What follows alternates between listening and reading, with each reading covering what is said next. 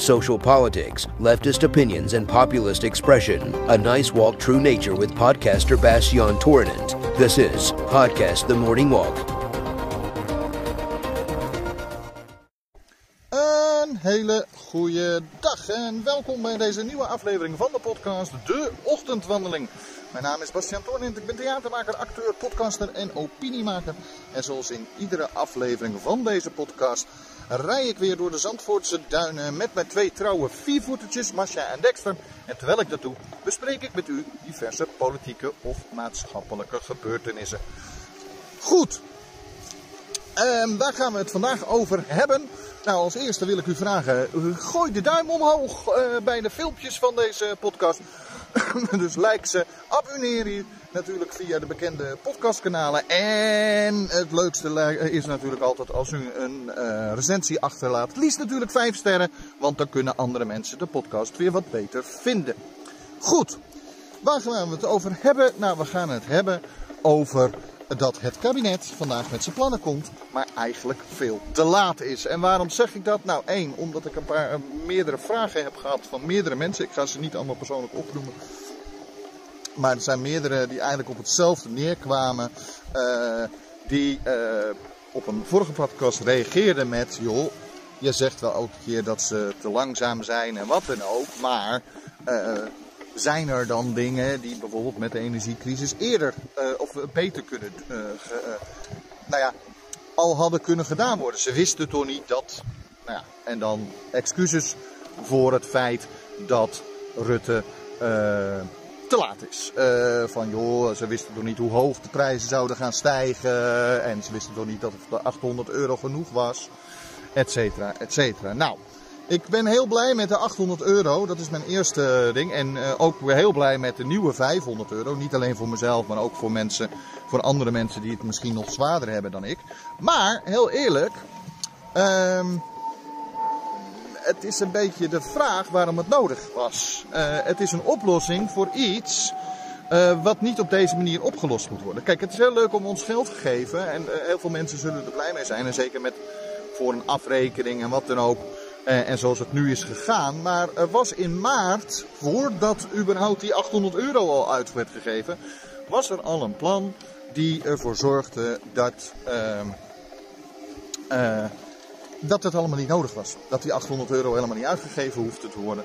En dat veel meer mensen die nu nog, ondanks de 800 euro en ondanks de straks extra 500 euro, um, um, mijn excuses, uh, die hadden uh, helemaal niet in de problemen gekomen waar ze nu in zitten. Je had niet de gasafsluitingen gehad die sommige mensen nu dan maar zelf toepassen.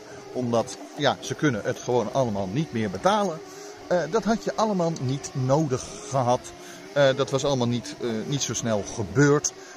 en degene, de kleine groep die eventueel buiten de boot zou vallen van dit plan. wat in maart dus er al was. Um, die zou je dan heel specifiek nog kunnen helpen via inkomenspolitiek. In feite heeft uh, zowel minister Kaag als Rutte als eigenlijk de rest van de kabinetsleden helemaal niet geluisterd naar dit plan. Het is zowel schriftelijk naar hen toegezonden als benoemd. Het is besproken met energiemaatschappijen, waarvan de grootste energiemaatschappijen gewoon zeggen: joh, dit kunnen wij toepassen. Dat zeiden ze dus al in maart. We zijn nu in september. We krijgen nu binnenkort uh, die uh, eh, 500 euro extra. En uh, geloof me, me niet verkeerd. Ik bedoel, ik ben blij met die 500 euro. Het helpt me. het is niet dat mijn energierekening al zo verschrikkelijk hoog is. Eén, ben ik sowieso zuinig in gebruik. Maar ten tweede heb ik gewoon een redelijk goed contract met mijn energieleverancier. Waar ik heel blij om ben natuurlijk. dat ik dat contract heb. aangezien ik daardoor niet zo snel in de problemen kom. Maar ja, er zijn genoeg mensen die niet zo'n contract hebben. Of over moeten stappen of wat dan ook. Ja, en die komen wel in de problemen. zeker als je tot de minima behoort. Hoort. Uh, en ook nou ja, niet alleen de minima, want dat zijn ook de lage middeninkomens die toch behoorlijk in de problemen kunnen gaan komen. En dan zijn die 500 euro is natuurlijk een, een mooi iets meegenomen. Maar het had dus anders gekund. En van wie is dat plan? Ja, het, het, klinkt wel alsof ik voor eigen parochie preek, maar zo bedoel ik het helemaal niet. Want als Wilders of uh, Ja 21 of wie dan ook van de rechtse partijen met dit plan waren gekomen, dan had ik daar uh, uh, ook hun ere ter ere die toekomt, want het is gewoon een goed plan. Het plan is namelijk om een energieplafond uh, in te stellen. Nou, daar is het kabinet ook al mee bezig en uh, onderhandelen met de energiemaatschappijen, uh, et cetera, et cetera. En het is allemaal moeilijk, moeilijk, moeilijk. Maar dat is dus helemaal niet moeilijk. Het is helemaal niet waar dat het moeilijk is. Weet je waarom het niet waar is? Om een heel simpel wijt. Er is een wet uit 1960 waar in de, wat de overheid het recht geeft om in bijzondere economische omstandigheden, nou daar zitten we in, uh, zeer bijzondere economische omstandigheden. Ik bedoel, heel simpel. We hebben momenteel dat uh, uh, en een inflatie is aan de gang, en een oorlog is in aan de gang, en een energiecrisis is aan de gang. En nu hebben we eigenlijk voor komend jaar geen prijsproblemen meer, of geen leveranciersproblemen meer, want die zijn opgelost. vanaf januari komt er hoe dan ook genoeg, zowel Nederland binnen als de rest van Europa. Maar goed, in ieder geval Nederland ook binnen, want we hebben het even over Nederland. Uh, dus dat, dat probleem is opgelost. Nu hebben we alleen een prijscrisis als het gaat om de energierekening uh, en zo. Nou, heel simpel. Die prijskap kan de ministers of het kabinet gewoon instellen als bijzondere economische maatregel om te zorgen dat de bevolking en de economie niet veel verder uh, in de problemen komt. Dat kunnen ze gewoon doen, want in 1960 is die wet al lang aangenomen. Die bestaat al heel lang. Het is zelf iets waar ze uh, een gedeelte op dat soort wetten hebben ze ook ge, uh, nou ja, daar hebben ze ook regelingen van de corona en dergelijke gedeeltelijk op gebaseerd. Dus het zou mogelijk zijn.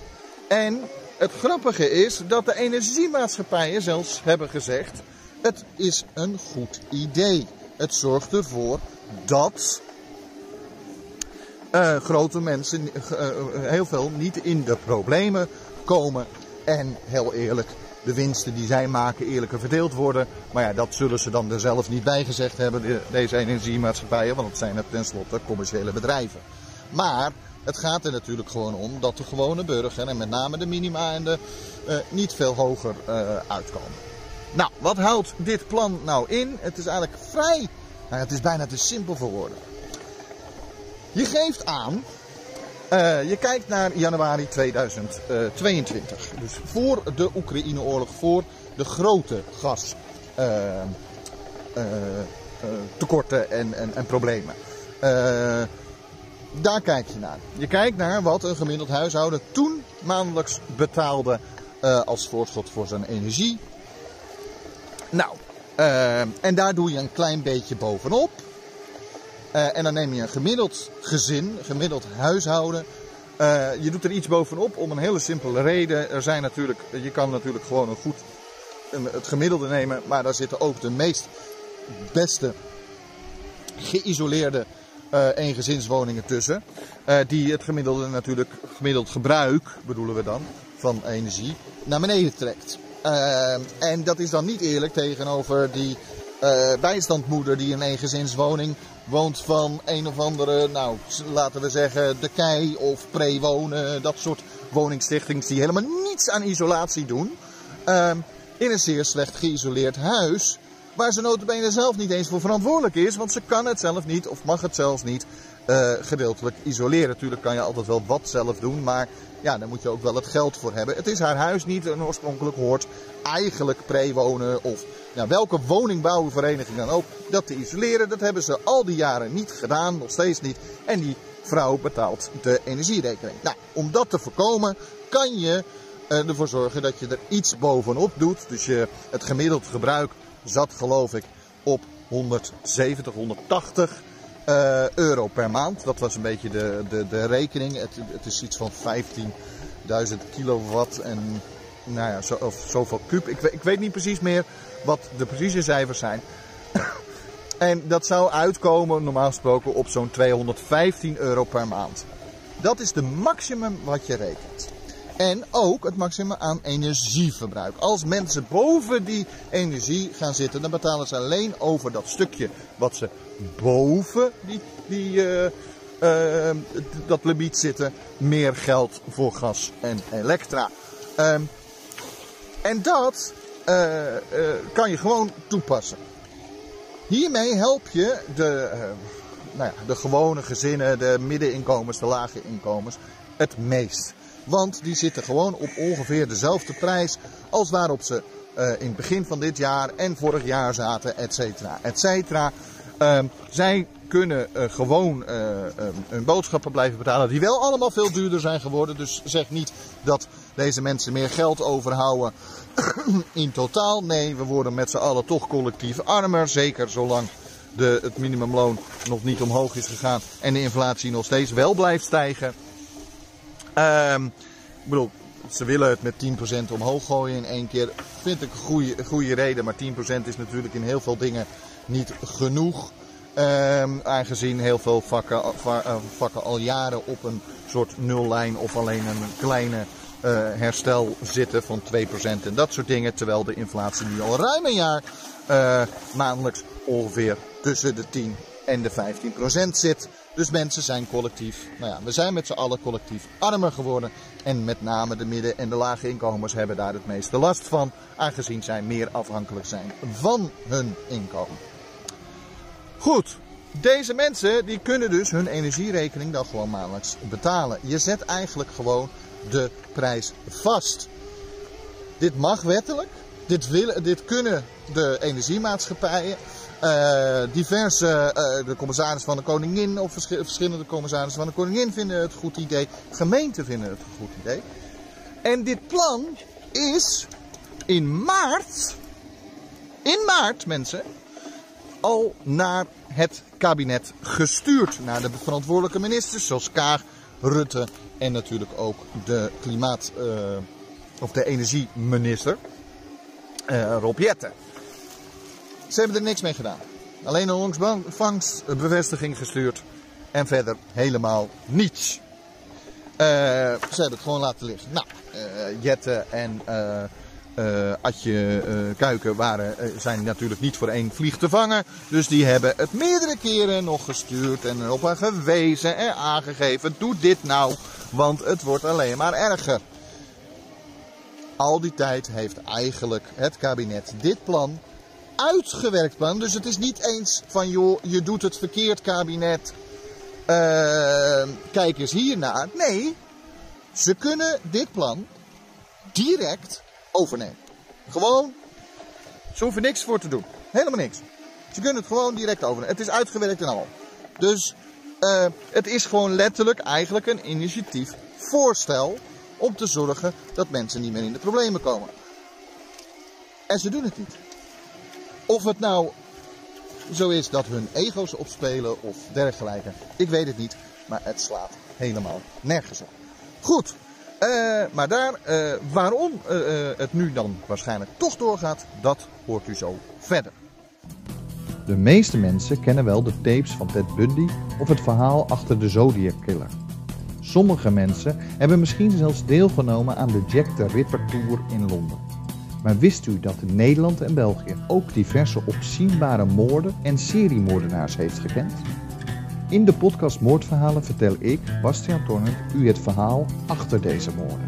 Ik neem u mee in de zoektocht naar de motieven van de daders en omschrijf hoe het politieonderzoek uiteindelijk tot een veroordeling leidde. Abonneer u nu alvast op de podcast Moordverhalen via Spotify, Apple Podcast en andere bekende podcastplatformen. Welkom terug. Um, waarom het nu toch doorgaat, uh, of tenminste een grote kans van slagen heeft dat het toch gaat gebeuren. Uh, dat komt eigenlijk door de onverwachte uitnodiging van gisteren van Mark Rutte en Kaag naar Jesse Klaver en Adje Kuiken. Kijk, uh, Jesse Klaver en Adje Kuiken waren zondag in de.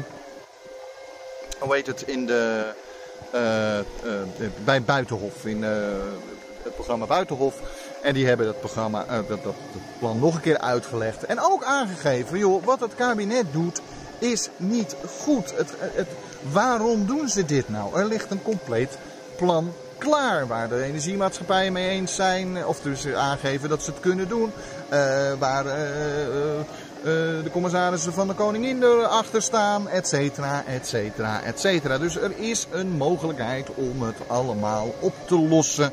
En ze doen het niet. Waarom doen ze het niet? Nou, dat heeft ze eigenlijk gezegd, ook aangegeven. Je, je hoeft niet te onderhandelen met de energiemaatschappijen. Want er bestaat die wet uit jaren 60 waar ik het eerder over had. je kan het gewoon meteen toepassen. Nou, ik denk dat Kaag en dergelijke eh, toch naar Buitenhof hebben gekeken en gedacht hebben: oeh, dit gaat fout voor ons. Want we komen blijkbaar vandaag niet met plannen die dusdanig goed zijn dat, uh, dit, uh, dat het probleem van de energiedingen oplost. Want ze hebben al die tijd beweerd, dit jaar kan er niks, dit jaar kan er niks, dit jaar kan er niks meer. En dat schijnt dus ook onzin te zijn, want ze kunnen voor november, kunnen ze dit plan zelfs nu nog invoeren. Dus het hoeft helemaal niet lang te wachten. Masja, kom, even mijn hond roepen. Ehm, het grootste probleem vind ik dat ehm, uh, dat het is heel laat. En nou gaat het kabinet natuurlijk uh, wel praten met ze. Heeft ze gisteren met hun gesproken opeens. Nou, het is natuurlijk belachelijk dat één dag voordat je plannen gaat uh, voorlezen, door de, laten lezen door de, voor, voor, de koning, door de koning, ga je alsnog een, een, mogelijk een nieuw plan. Wat in fucking maart, sorry voor mijn woordkeuze, al bekend was. Um, toch hoop ik, kijk, het is al veel te laat. Er zijn al mensen die heel grote problemen raken. Er zijn al mensen die hun gas laten afsluiten. er zijn uh, uh, mensen die uh, steeds onzekerder, maar als je aan de kant ehm, steeds onzekerder worden van hoe ze alles moeten gaan betalen. Maar um, beter laat dan nooit. Uh, nu zou het november op zijn vroegst, deze, uh, januari op zijn laatst ingevoerd kunnen worden. Nou, dan hebben we in ieder geval voor volgend jaar die prijskap alvast. En wat er voor in die maanden daarvoor gebeurt, moet het kabinet maar ervoor zorgen dat de mensen die wel toch in die paar maanden in de problemen komen, uh, dat die maar gewoon extra geholpen worden. Nog bovenop de 500 euro die we toch al krijgen. Um, ik vind dat het kabinet het boetekleed aan moet trekken, aangezien dit is natuurlijk krank joren. Zeker omdat mensen steeds onrustiger worden. Ik bedoel, het vertrouwen in Rutte is nog nooit zo laag geweest. En nu besluit het wel Rutte. Al die tijd hebben heel vaak crisissen zijn van de premier afgegleden. Andere uh, vicepremiers en, en, en partijen hadden er wel altijd last van.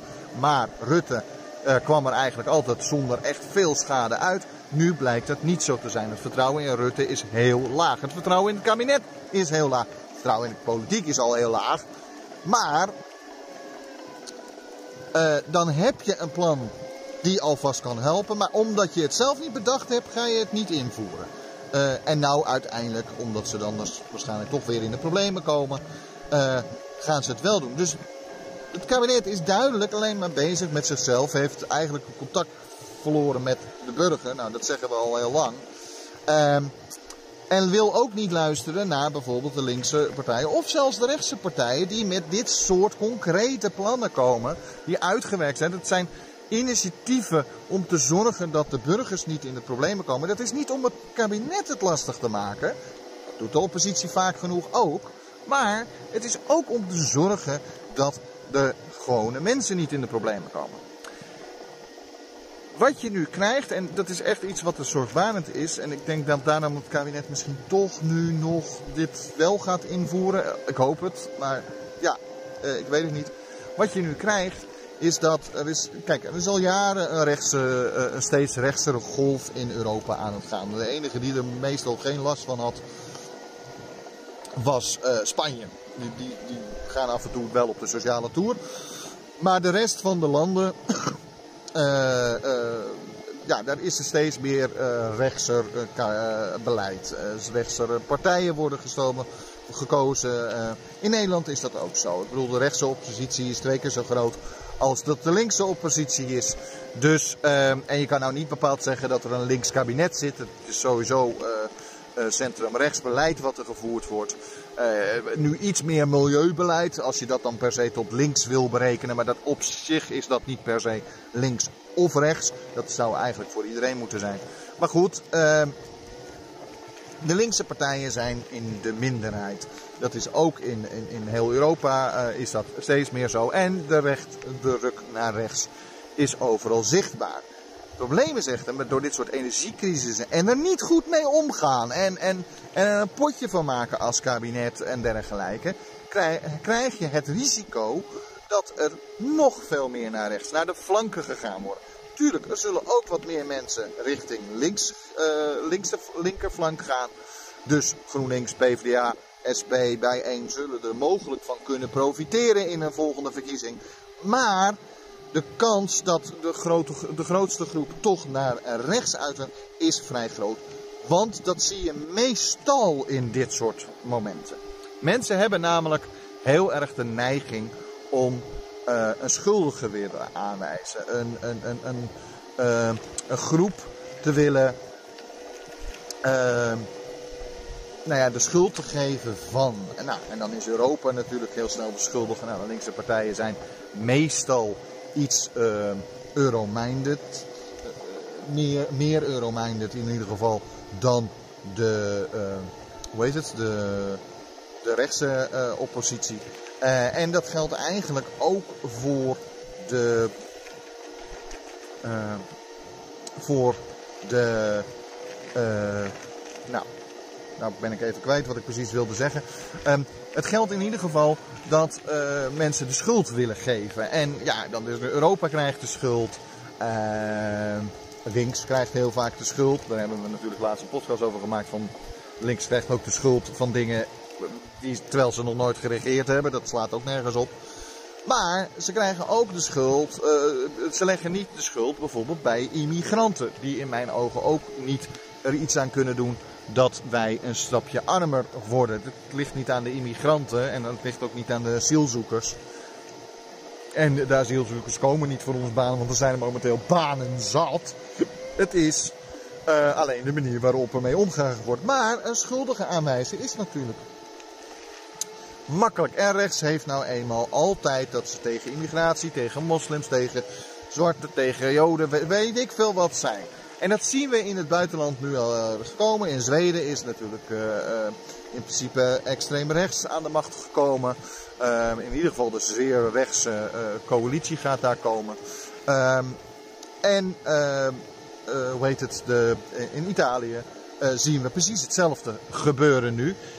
en dat baart mij wel zorgen, want dat betekent ook dat links, en dan leg ik even de, hoe heet het, de de crux weer bij links, dat links niet goed weet om de kiezers echt te bereiken met hun standpunten.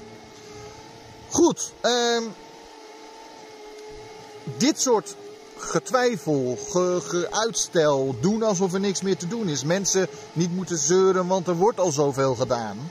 Tuurlijk, het kabinet doet wel iets. Uh, maar het lijkt ergens dat ze toch het contact met vooral de minima en met de middeninkomens volledig kwijt zijn geraakt.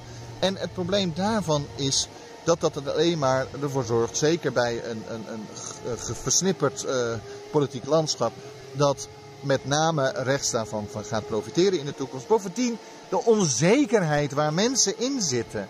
Door dit soort gedoe, door dit soort bullshit gedoe van het kabinet. Ik bedoel, waarom moeten ze zo lang wachten? Waarom zijn ze niet eerder uh, dit plan gaan bekijken? Ehm, kijk, dan hadden ze nog kunnen besluiten om het niet uh, in, in te voeren. Zou je mij ook horen. Maar dan hadden ze er tenminste iets mee gedaan. Nu hebben ze al die tijd gewoon niet eens geluisterd. Niet eens gekeken of het überhaupt mogelijk was, et cetera, et cetera. En het is allemaal moeilijk, moeilijk, moeilijk. En waarom doen ze dat? Dat is natuurlijk wel een belangrijke reden. Ze blijven uitgaan van de marktwerking. Marktwerking is voor Rutte maar eigenlijk langzamerhand ook voor D66 een soort heilig iets. De markt moet het bepalen.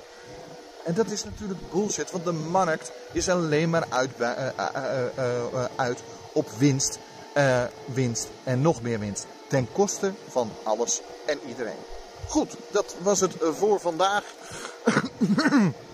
En van de week zijn we er weer. Uh, en gaan we uh, gewoon weer uh, ergens anders over hebben. Um, ik hoop dat u de podcast leuk vindt. Abonneer je dus via Spotify, Apple Podcasts, Google Podcast en diverse andere podcastplatformen. Of natuurlijk op de video's kunt u zich abonneren via YouTube of mijn Facebook pagina. Zorg ervoor dat u daar dan ook even het duimpje omhoog doet. En wilt u nou meer informatie? Kijk dan even op mijn website en dat is www.torenent.nl.